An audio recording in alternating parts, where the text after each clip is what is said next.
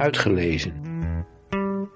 Korte verhalen van en door Janneke Hollera. Jeugdliefde. Ik was zeven. We stonden op het schoolplein in de rij. Ik gaf hem een kus in zijn nek. Wat doe je? zei hij.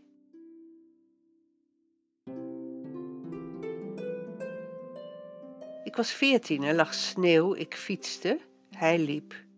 Spring maar achterop, zei ik. Toen hij sprong, verloor ik de macht over het stuur. We vielen. Wat doe je? zei hij.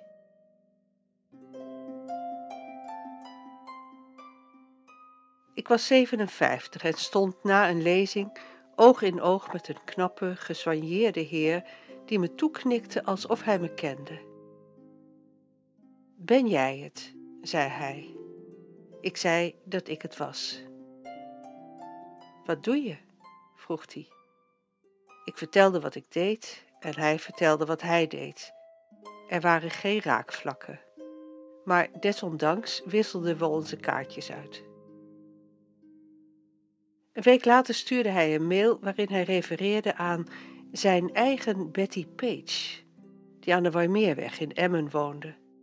Ik snapte niet waarom hij die mail stuurde.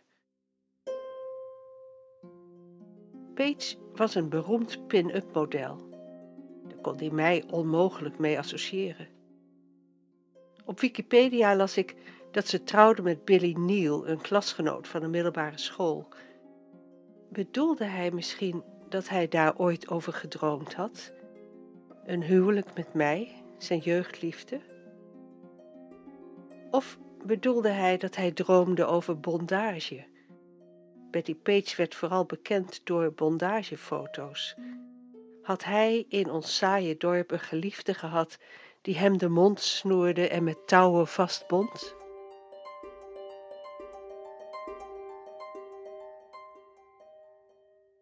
Op een 63ste sta ik op een avond langs de snelweg zonder benzine. Een glimmende, zilverkleurige Mercedes parkeert voor me op de vluchtstrook. Een gesoigneerde man stapt uit, opent zijn achterklep en haalt er een dik touw uit. Wat doe je? vraag ik.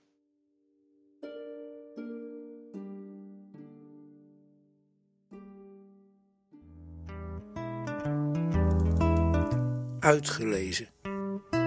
Techniek Redwing Producties.